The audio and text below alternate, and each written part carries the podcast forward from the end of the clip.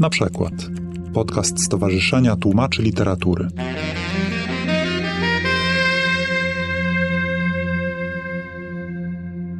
Witamy serdecznie na spotkaniu na temat małych języków, na temat tłumaczenia z języków mało nam znanych, mało popularnych, niemniej takich, które zasługują na uwagę i warto je popularyzować. Na dobry początek poprosiłam nasze bohaterki, żeby przedstawiły się w swoim języku.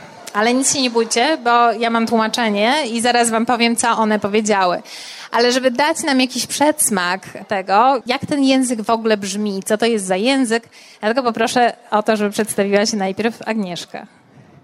Esu Agnieszka Rębiałkowska. Verčiu iš lietuvių kalbos šiuolaikinė lietuvių literatūra. Kodėl? Kodėl būtent lietuvių? Pirma, e, norėčiau, kad mes pažintumėm savo kaimynus ir kad mes patys save geriau suprastume. Antra, tai yra be galo įdomi, originali literatūra. Trečia, ši kalba primena gintarą ir paukščių kalbą. Ir man tai yra vienas pasaulio stebuklų. Nazywam się Agnieszka Rębiałkowska, tłumaczę na polski współczesną poezję i prozę litewską. Dlaczego właśnie litewską? Po pierwsze chcę, żebyśmy lepiej poznali naszych bliskich, ale wciąż tajemniczych sąsiadów. Wtedy lepiej zrozumiemy też siebie. Po drugie, literatura litewska jest szalenie interesująca, różnorodna, aktualna. Po trzecie, język litewski to trochę język ptaków, a trochę bursztyn. Dla mnie jeden z cudów świata. Sain Baina. Bi Agnieszka Matkowska Geżenertep. Bi Buriat Sojol Amanzo Hiole Erdemeten Bi. Hoyor Mianga Arban Dolo Bajgaleba Sagan Angar Gohon Polsza Helen Ru Olszuchak Bi. Nazywam się Agnieszka Matkowska, zajmuję się badaniami nad kulturą burjacką i folklorem. W 2017 przetłumaczyłam na język polski burjacką legendę Angara, córka Bałkaja, ale jest to przekład z języka rosyjskiego. Tego jeszcze nie powiedziałam, bo bardzo powoli mówię. Postaram się tak samo. Enenom orod Helen He Olszulap, Buriat Helen Basu, orod Angli Helen He Orszuladagbi. Bi. Wajrla. Teraz Magda.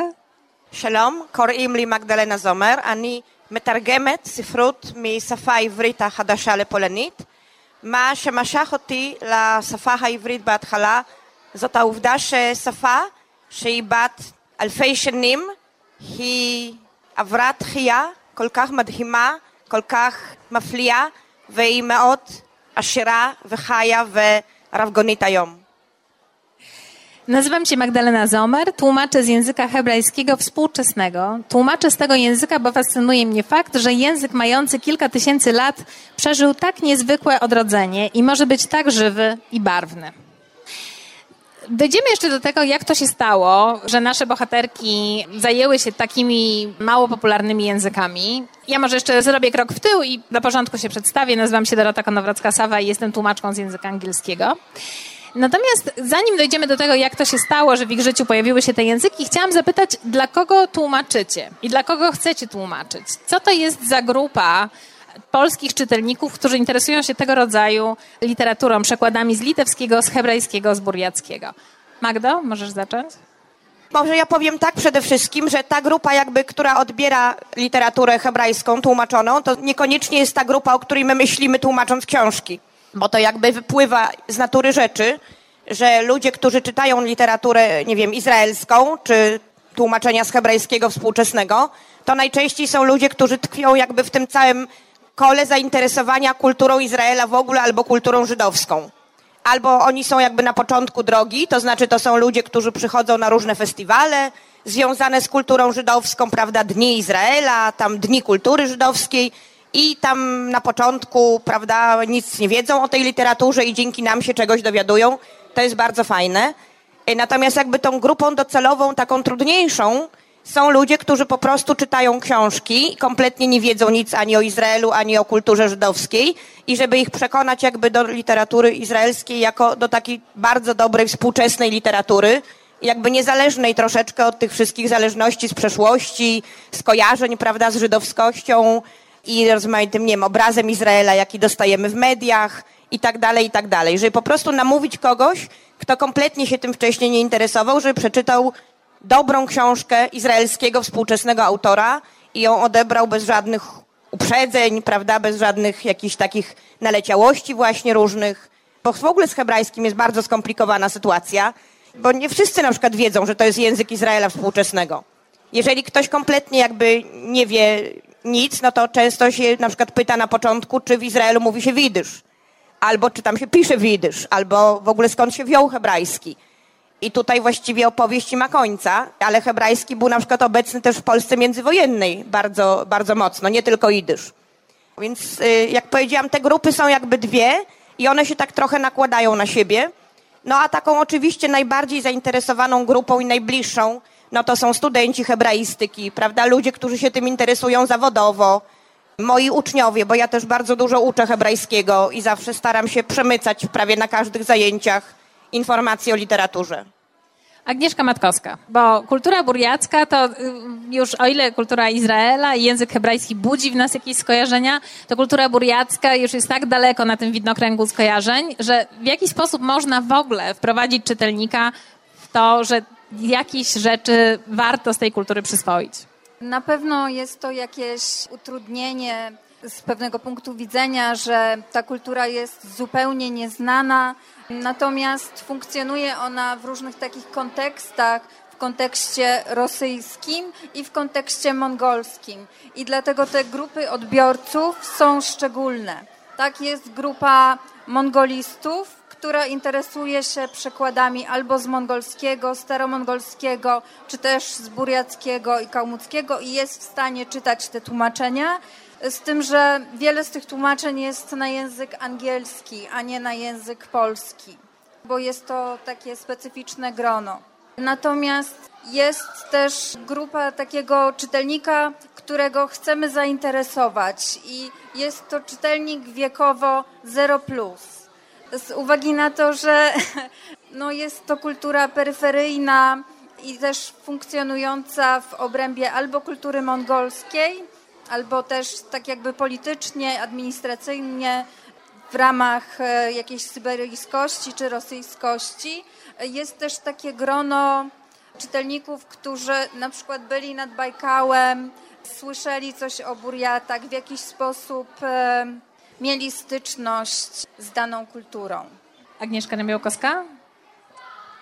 Tutaj częściowo z litewskim jest tak jak z hebrajskim, chociaż Litwa jest o wiele bliżej ale to wcale nie pomaga, a wręcz przeszkadza, bo mamy dużo stereotypów, ale dzięki temu mamy jedną dodatkową grupę czytelników już na starcie, bo są to Polacy, którzy są zainteresowani Litwą jako mitem kresów albo krajem pochodzenia przodków.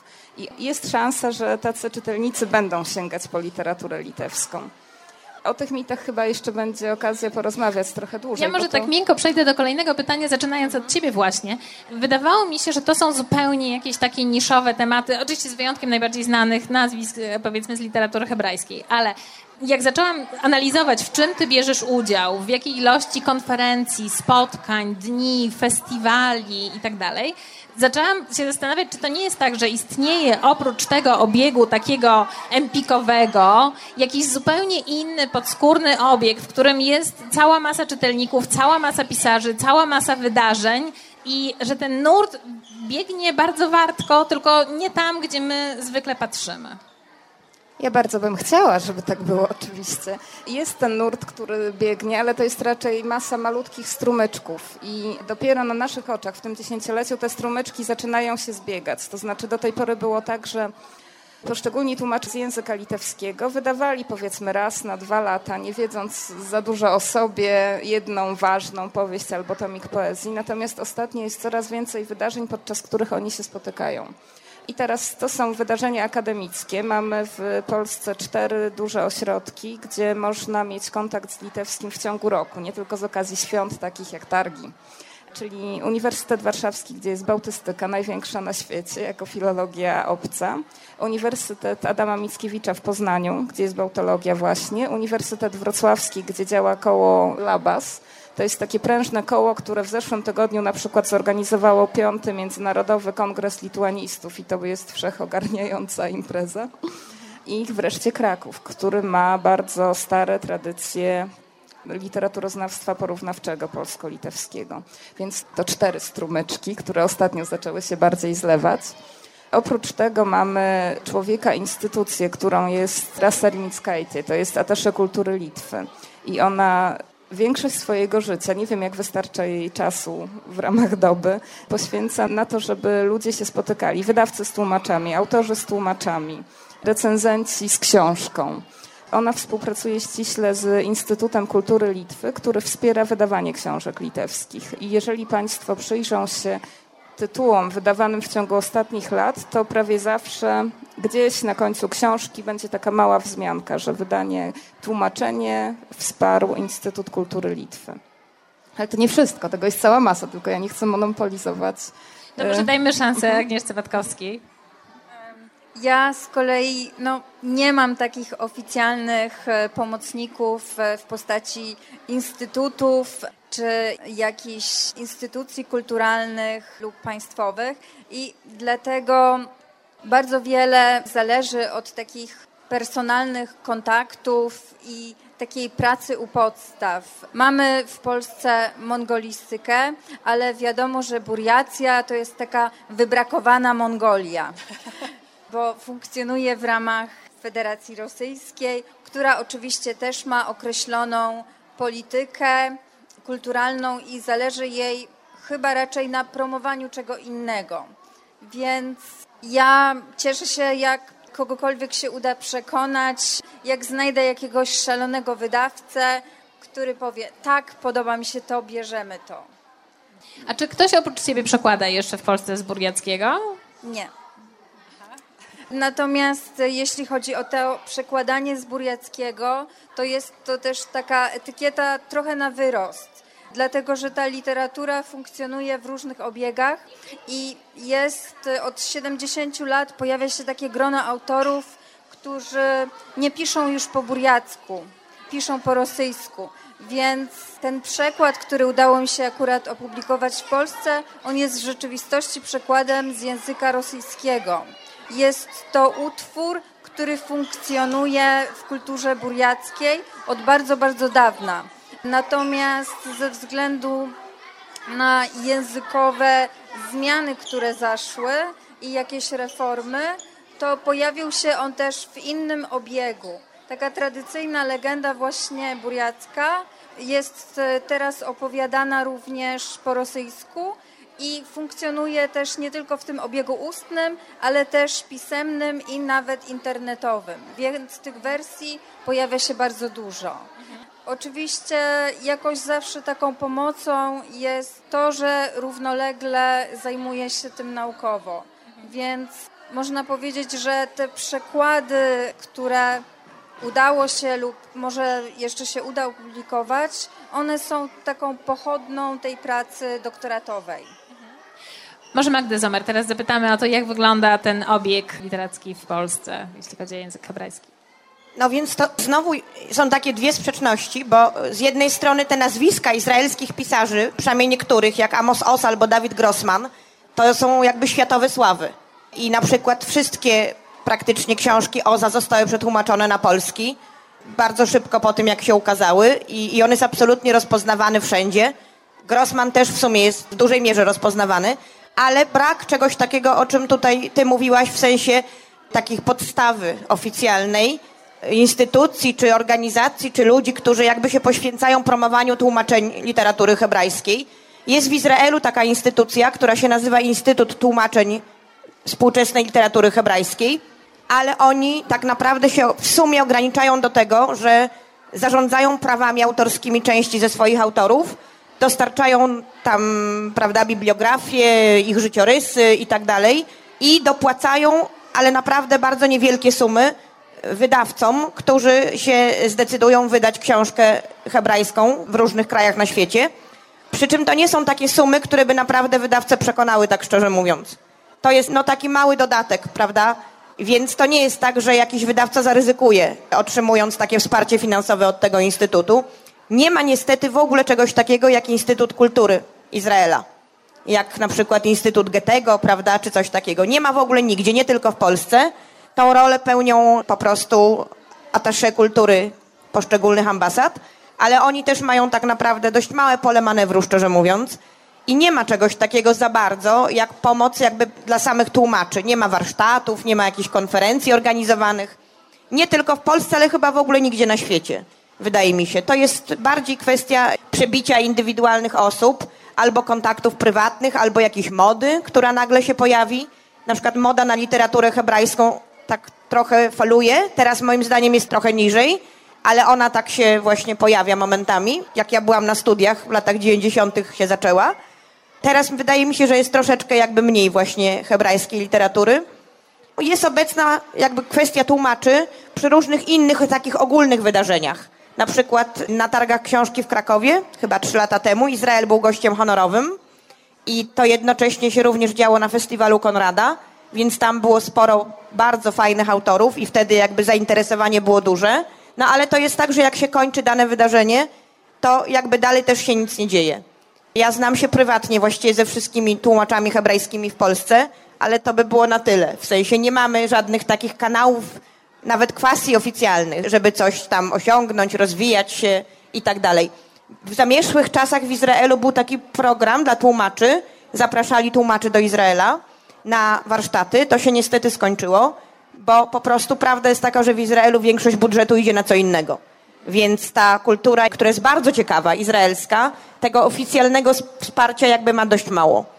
Czy możemy w ten sposób przejść do kolejnego pytania, które y, będzie pytaniem już o samą literaturę, już nie o warstwę instytucjonalną, nie o wsparcie, tylko o to, co jest najciekawszego w tych waszych literaturach, na co chciałybyście zwrócić uwagę komuś, kto bardzo niedużo o nich wie i powiedzieć taką w takiej pigułce dwa, trzy najważniejsze zjawiska czy nazwiska z ostatnich lat, czy też coś, co wychodzi w przyszłość w tym sensie, że na przykład zostało już opublikowane w języku oryginału, w Polsce tego nie ma, a bardzo by warto.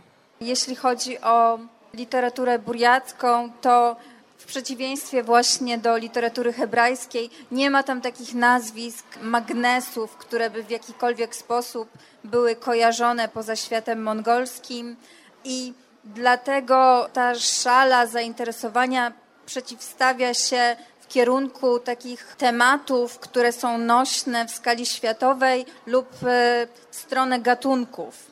I jednym e, właśnie z takich znanych na całym świecie utworów jest epopeja o królu Gesarze, która ma różne wersje tybetańską, mongolską, buriacką i bardzo wiele innych jeszcze. Ona nie została przetłumaczona na język polski.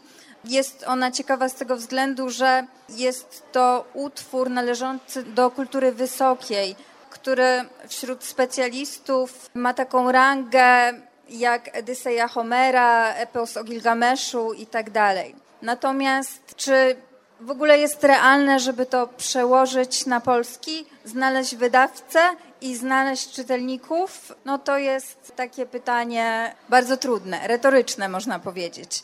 Jest też drugi taki temat bardzo nośny, mm, który jest częściowo powiązany z szamanizmem, z animizmem i są to takie tematy związane z ochroną przyrody i z krytyką na przykład jakiegoś negatywnego wpływu człowieka na środowisko.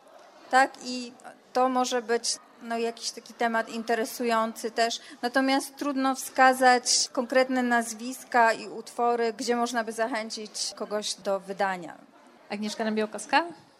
Są takie cztery nurty, jak sobie myślałam nad tym wcześniej, na co warto zwracać uwagę we współczesnej literaturze litewskiej, tłumaczonej, już przetłumaczonej albo taka, która ma być przetłumaczona na język polski. Pierwszy nurt y, to są wielcy klasycy Tomasz Węclowa i walka z naszymi wspólnymi demonami tutaj w środkowo-wschodniej Europie.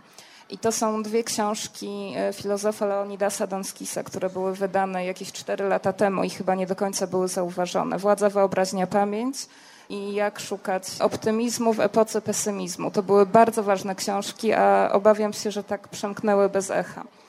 Tym nurcie mieści się też absolutna nowość. To jest to, co przywiozłam ze wspomnianego już kongresu we Wrocławiu, gdzie była prezentacja.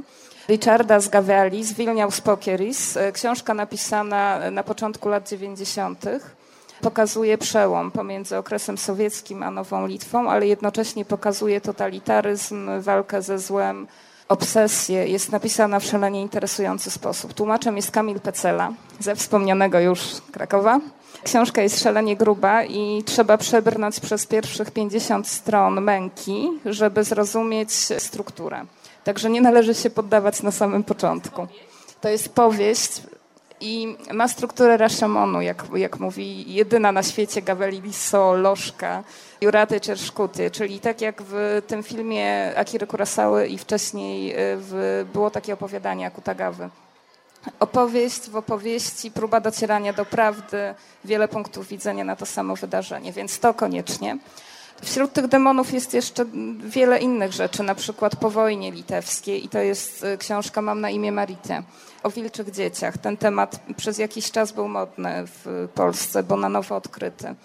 Jest parę książek, które ja bym chciała przetłumaczyć, ale nie wiem, kiedy to mi się uda. Między innymi tematy partyzanckie na Litwie. To jest mm, opór partyzancki, który trwał no, do lat 80. prawie, że, bo wtedy ostatni partyzant zmarł gdzieś na strychu na wsi zakopany ale na to trzeba być może jeszcze poczekać. To był jeden worek. Drugi worek to jest y, twórczość kobiet, bo na Litwie mamy ostatnio świetną, mocną prozę pisaną przez kobiety i coraz lepszą poezję pisaną przez kobiety, bo do tej pory poeta na Litwie to był on, a ostatnio to coraz bardziej jest ona. I tutaj, gdzie można spotkać tę poezję w Polsce, bo to jest główne pytanie. Są wydawane tomiki poszczególne. W ostatnich latach ukazały się cztery takie ważniejsze. W zeszłym roku Eugeniusa Aliszanki Zastrzegam sobie prawo do milczenia w tłumaczeniu Pauliny Ciuckiej. Książka była prezentowana podczas festiwalu Miłosza w Krakowie w zeszłym roku.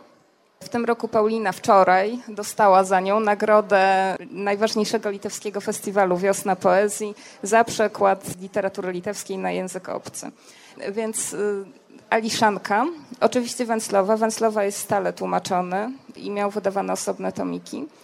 Ja w zeszłym roku wydałam Wladasa Brazunasa, ale o nim jeszcze będę rozmawiała. To jest mniejsza niż, więc to nie dla wszystkich. To nie będę za bardzo reklamować. I na festiwalu odnalezione w tłumaczeniu w tym roku w Gdańsku Agnieszka Grakalicja. Był na razie wydany zbiorek siedmiu wierszy, natomiast jest planowane wydanie większego tomiku. Kilka lat temu Cornelius Platealis w przekładzie Adama Pomorskiego, więc tej poezji jest dużo. Ale wracam do tego pytania, gdzie można to znaleźć? Można to znaleźć albo na festiwalach, albo na raz w roku w Warszawie. Na uniwersytecie organizujemy wiosnę poezji i wydajemy takie maleńkie broszurki kolorowe. Zapraszamy wtedy zawsze poetów z Litwy e, w porozumieniu ze Związkiem Pisarzy Litwy i można z nimi po prostu porozmawiać. My wtedy też przygotowujemy tłumaczenie, jakieś informacje większe. Więc jeszcze dużo mogę. Ale... ale może przekażę Magdzie, bo raz, że jest szansa, że Magda się namyśliła w tym czasie, a dwa, że mogę podać pytanie pomocnicze. Jakie książki były dla ciebie ważne, czy jakie książki ty byś chciała teraz przetłumaczyć, czy zwrócić uwagę na nie? Dobra, zaczniemy od tego jakby, co tutaj wy obie mówiłyście, czyli jakie na jakie, nie wiem, rzeczy, czy zjawiska, czy fale w literaturze izraelskiej można zwrócić uwagę. Prawda jest taka, że wszyscy ci tacy właśnie czołowi pisarze, którzy są rozpoznawalni i którzy są wydawani też w Polsce, czyli Amos Oz, Dawid Grossman, Meir Shalev, należą do tak zwanego pokolenia państwa. Bo w Izraelu, jak się mówi o historii literatury, to się to dzieli na pokolenia bardzo często. Jest pokolenie tak zwanych pionierów, jakkolwiek by to dziwnie nie brzmiało, czyli ludzi, którzy tam przybyli, żeby uprawiać prawda, ziemię i budować państwo Izrael, często jeszcze pod koniec XIX wieku, przed I wojną światową i w okresie międzywojennym potem. Jest pokolenie wojny o niepodległość, tej, która miała miejsce w 1948 roku i to są ludzie, którzy byli młodymi dorosłymi w czasie 1948 roku właśnie, czyli starsi od Amosa Oza. To pokolenie już nie żyje po prostu i Amos Oz i troszeczkę młodszy od niego Grossman i Shalev, to jest tak zwane pokolenie państwa. Czyli to są ludzie, którzy byli dziećmi albo się urodzili w momencie, kiedy państwo Izrael powstawało i dlatego jakby ich spojrzenie na Izrael jest kompletnie inne niż takie, no nie wiem jak to powiedzieć, takie proste, patriotyczne i momentami takie dość infantylne spojrzenie tych ludzi, którzy to państwo budowali. Ci, którzy już to państwo jakby dostali, to jest taki nawet słynny wiersz człowieka, który się z tym pokoleniem nie zgadza, poety, który pisał, dostaliście to państwo na srebrnej tacy i co teraz z nim robicie? Także i to pokolenie jakby jest pierwszym takim bardziej interesującym, bo wcześniej zdarzały się też różne wybitne jakby jednostki, na przykład nieprawdopodobnie wspaniała poetka Lea Goldberg, która działała w okresie międzywojennym również, była z Litwy.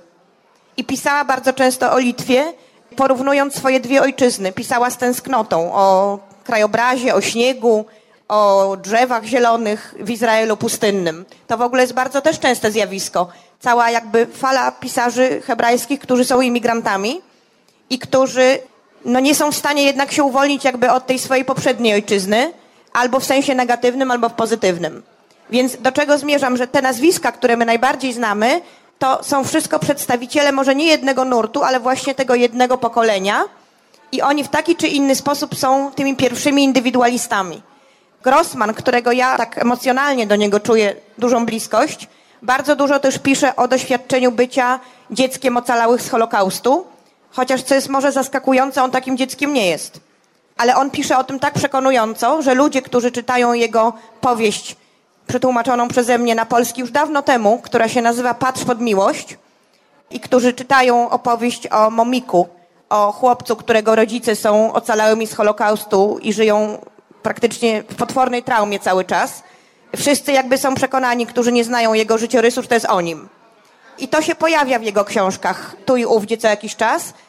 No i takim kolejnym dużym tematem są wojny w Izraelu i to, czy ludzie mają prawo brać w nich udział i że jednak w końcu biorą na ogół, co się z nimi wtedy dzieje, jakimi są ludźmi po wyjściu z wojska. Więc ja w sumie myślę właśnie albo według takiej jakby no historii literatury izraelskiej tymi pokoleniami. Obecnie to już jest pokolenie wnuków założycieli państwa. Więc to są ludzie, którzy to państwo mają jako coś całkiem oczywistego i je kontestują. Armie często albo uciekają z Izraela, wyjeżdżają do Europy. To jest też takie nowe zjawisko. Pisarze, czy w ogóle, nie wiem, działacze kultury, tacy wręcz antysyjonistyczni, którzy z Izraela wyjechali i żyją na przykład w Berlinie albo w Paryżu. I na przykład możemy to spotkać w książkach takiego młodego w miarę, no młodego, 40-letniego pisarza, którego ja tłumaczyłam, Eszkola Nevo, który taką dużą powieścią jego z ostatnich lat jest Neuland. To jest nawiązanie do powieści z okresu międzywojennego, takiej utopii mówiącej o nowym państwie żydowskim w ziemi Izraela. A on tego tytułu używa ironicznie bo Żydzi młodzi, Izraelczycy z jego powieści szukają tego nowego kraju, tego Neulandu w Argentynie, czy w ogóle w Ameryce Południowej, a częściowo też w Berlinie. Także to jest takie zjawisko, tylko że to się zmienia, to jest cały czas dynamiczne, ponieważ sytuacja w Europie też się jakby zmienia na niekorzyść, często dla Izraelczyków, no to oni już teraz z powrotem tą Europę zostawiają i wracają tam. Taką rzeczą, którą wydaje mi się, że warto byłoby wrócić do tłumaczenia jej bardziej intensywnego jest poezja. I strasznie tutaj tobie zazdroszczę, że ta poezja litewska jest tak jakby reprezentowana bogato po polsku, bo mam wrażenie, że poezja hebrajska jest trochę po macoszemu traktowana. Po prostu bardzo mało jest ludzi, którzy są w stanie ją tłumaczyć. Ja nie jestem na przykład w stanie tłumaczyć poezji.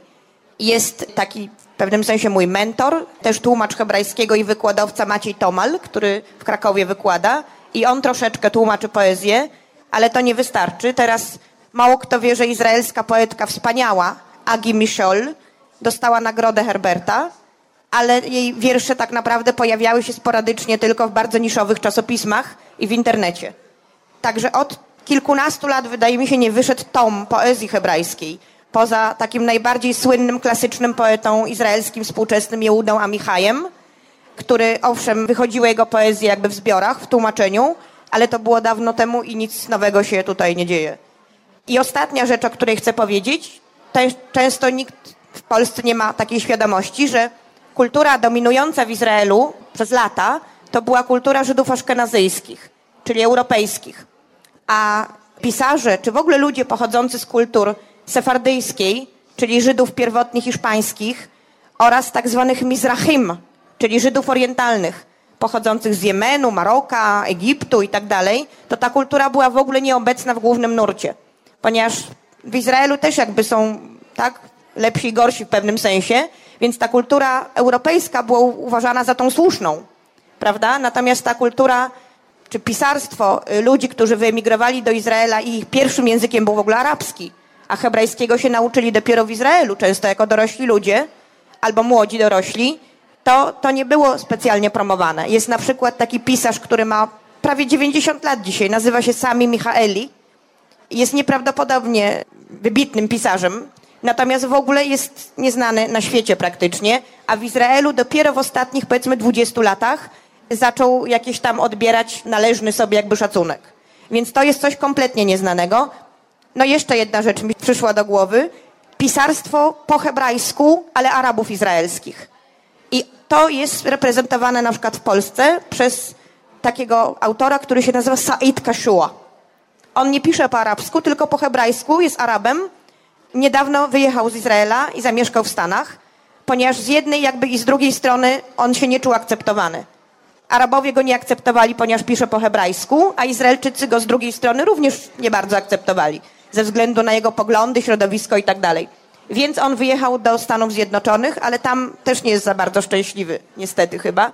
Pisze felietony, w których opisuje jakby swoją sytuację tam, ale on napisał wspaniałe powieści, częściowo autobiograficzne i one są dostępne po polsku. Poprosiłam Was wcześniej, żebyście zastanowiły się nad jedną książką, której chciałybyście opowiedzieć, książką w swoim przekładzie. Co ona Wam zrobiła? Dlaczego warto ją przeczytać? Jaki był ten język, z którym się zmagałyście? Co możecie o niej nam opowiedzieć? Taką książką, która najbardziej jakby mnie, nie wiem, rozwaliła psychicznie, to był wspomniany Grossman, ale nie mogę go nikomu polecić z czystym sumieniem, akurat tej książki, bo ona jest bardzo dziwna i bardzo ciężka. To jest właśnie Patrz pod miłość. Przy czym to jest książka, którą można czytać wybiórczo, bo ona się składa z takich trzech głównych jakby części, które się pozornie w ogóle nie łączą ze sobą. Więc na przykład ja pierwszą część tej książki poznałam jeszcze na studiach. Pierwsza część nazywa się Momik i to jest opisana właśnie historia chłopczyka mieszkającego w Jerozolimie w latach 60., wydaje mi się, na początku lat 60., którego rodzice zachowują się jakby my to widzimy, ale ten chłopczyk uważa to za coś normalnego zachowują się jak osoby, którym się wydarzyło coś strasznego w życiu i nie mówią z tym swoim synkiem o Polsce, oczywiście ani o wojnie, ani o obozach, tylko mówią, że to było tam. Ten kraj tam funkcjonuje jakby w jego wyobraźni jako taka czarodziejska kraina, bo on nie rozumie, że to jest coś złego. Po prostu rodzice czasami jakichś takich mu udzielają strzępków informacji, na przykład, że tam były poziomki w lesie, albo że tam mieliśmy piekarnię i tak dalej. I on sobie z tego wysnuwa, ten chłopczyk, całą taką opowieść, w której jego tata był kiedyś królem, ale został wygnany ze swojego kraju i tak dalej, i tak dalej. No a z drugiej strony jakby ten chłopczyk, i to jest chyba najbardziej rozdzierające, stara się opiekować tymi rodzicami. Stara się ich jakby oszukiwać, że wszystko jest dobrze, że on jest akceptowany w klasie, że się nie boi różnych rzeczy, że lubi sport, co jest oczywiście nieprawdą, bo jego rodzice nie są w stanie mu właściwie żadnego emocjonalnego wsparcia udzielić. I my dopiero jakby też się powoli, stopniowo bardzo dowiadujemy z tej opowieści, co tak naprawdę się wydarzyło. W międzyczasie jakby ten chłopczyk przeżywa załamanie nerwowe. I to jest tak najbardziej tradycyjnie napisana część tej powieści, którą możemy spokojnie przeczytać, tylko po prostu ona jest bardzo przejmująca. Natomiast druga i trzecia część są takim, nie wiem, trudno powiedzieć, czy eksperymentem literackim, czy taką grą wyobraźni, dość swobodną. Druga część opowiada wymyśloną historię Szulca, co by było, gdyby Szulc nie został zamordowany przez gestapowca, tylko przeżył. Przyjechał nad Bałtyk, wszedł do wody i zamienił się w rybę. I to jest opis jego, jego wędrówki jako ryby, także to jest rzeczywiście dość dziwne. I trzecia część, też bardzo trudna tak naprawdę do przyswojenia, ale bardziej tradycyjnie napisana, to jest historia Żyda, któremu zamordowano całą rodzinę w obozie na jego oczach i który się spotyka z oficerem gestapo i opowiada mu historię.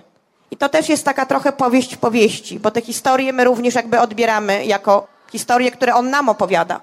Także ta książka, która wyszła w świecie książki już strasznie dawno temu i to była taka moja pierwsza duża powieść przetłumaczona, była zupełnie dla mnie niezwykła wtedy i w sumie ogromne wrażenie na mnie wywarła.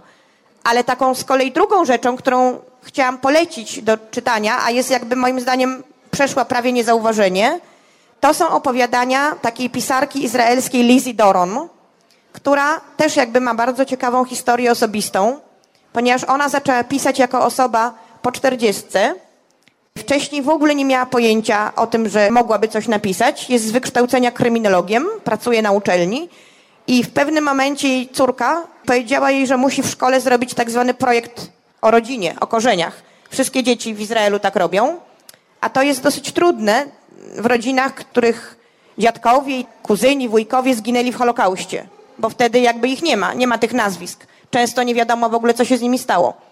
I ta córka zaczęła ją jakby namawiać, żeby jednak się postarała trochę dla tego projektu szkolnego i zaczęła się zastanawiać, co z babcią.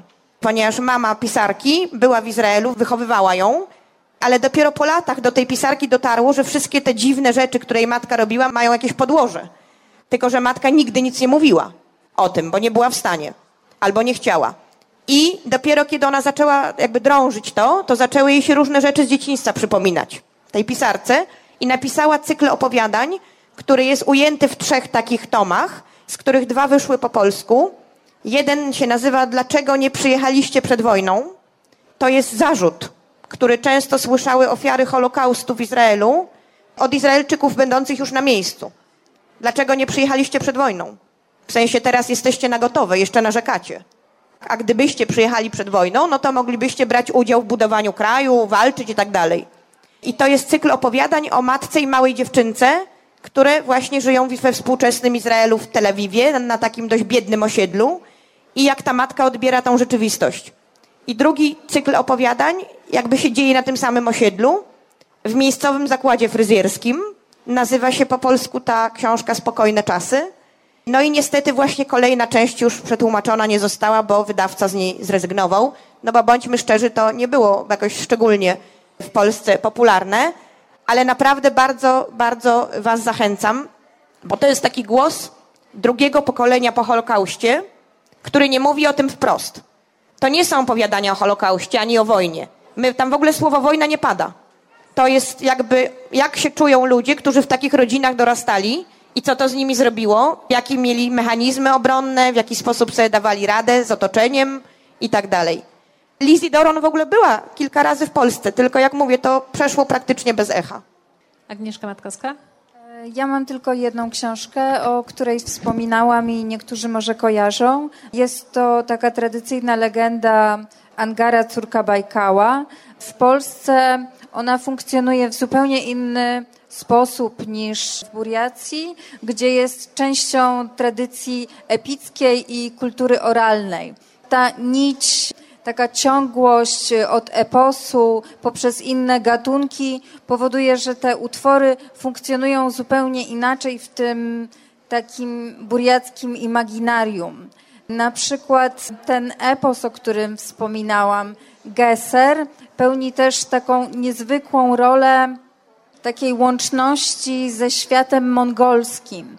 Są też eposy lokalne buriackie, na przykład Alemżymergen które różnią się na przykład od innej tradycji, tym, że jest bardzo duża rola postaci kobiecych.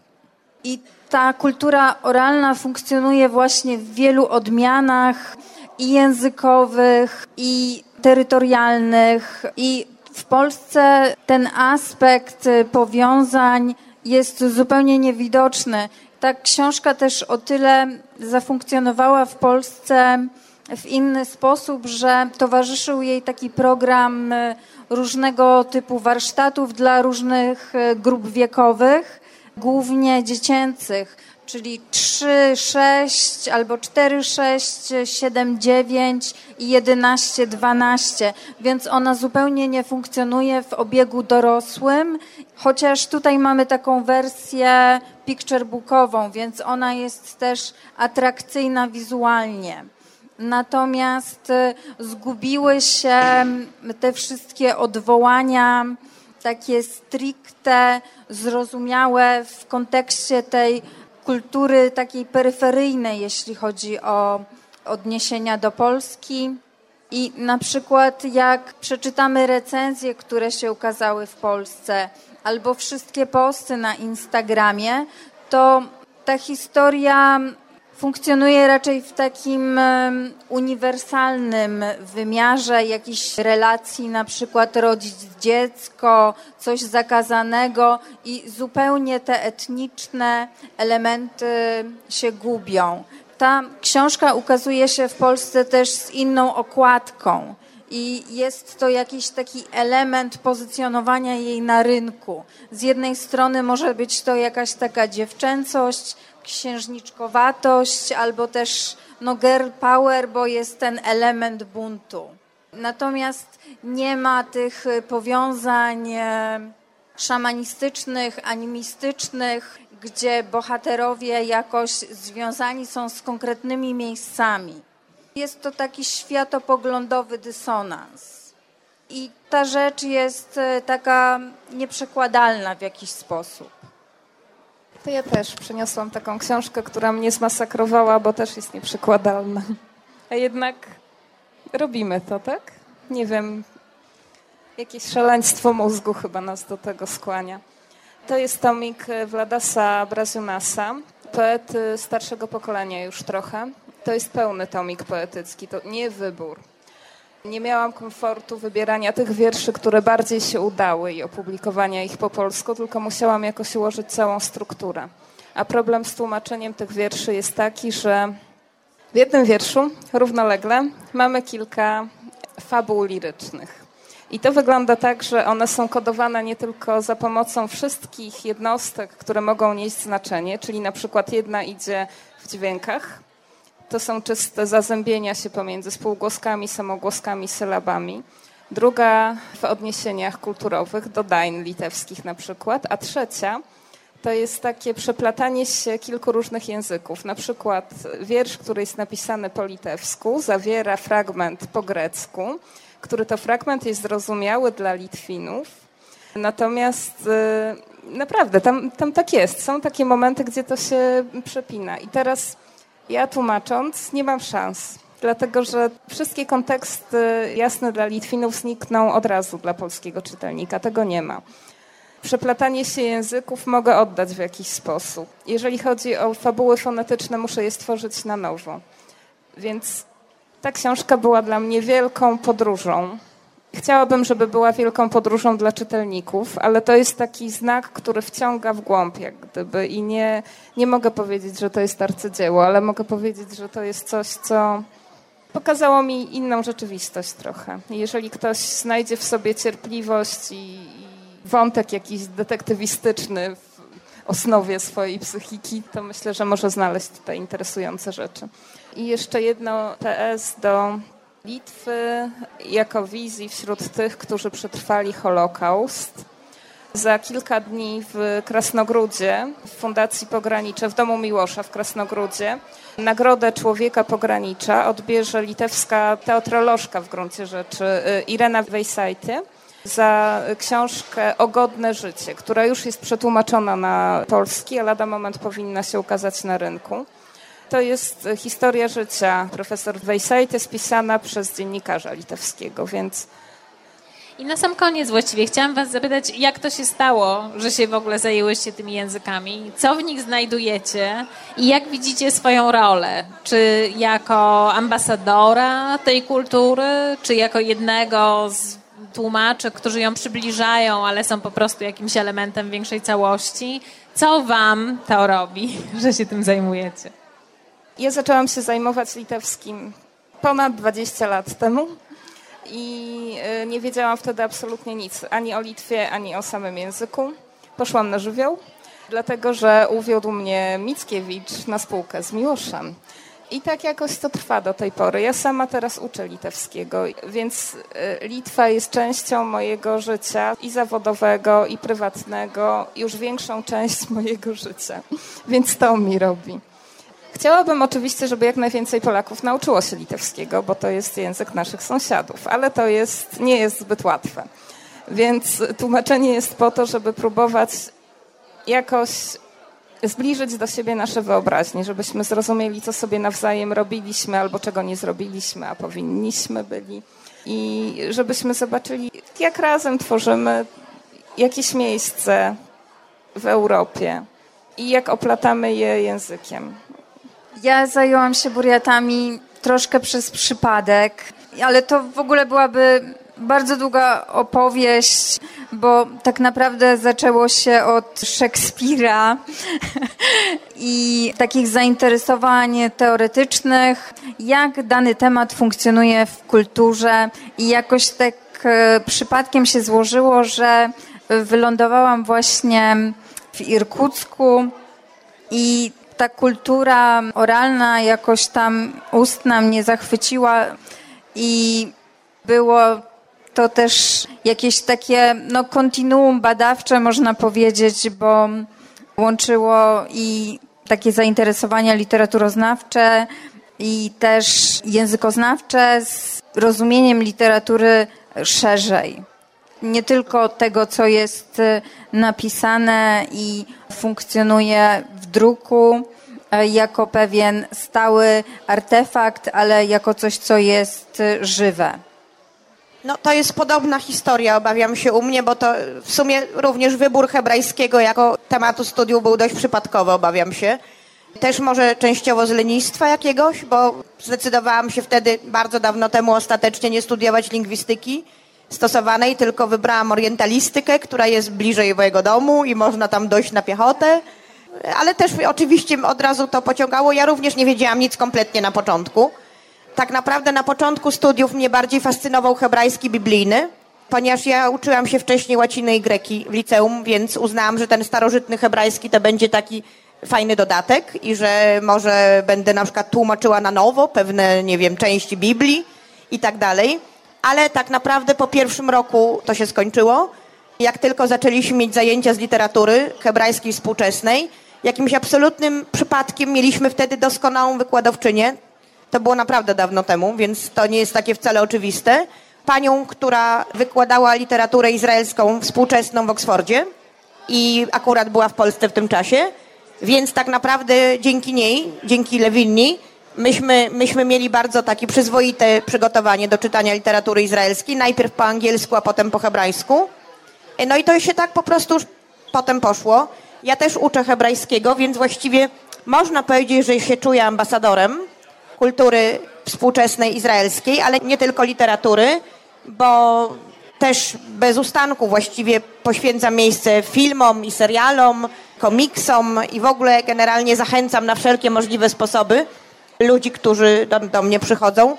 W tym tuż jest dużo jakby takiego starania, żeby, żeby właśnie zapomnieć o stereotypach i żeby nie utożsamiać Izraela tylko z jedną rzeczą albo dwoma rzeczami, żeby ludzie jakby zobaczyli, że ta literatura izraelska jest bardzo zróżnicowana, że tam są ludzie o różnych poglądach, że oni też cały czas podważają jakby istniejącą rzeczywistość. Co nie do końca jest oczywiste, jak się na przykład spotka przeciętnego Izraelczyka.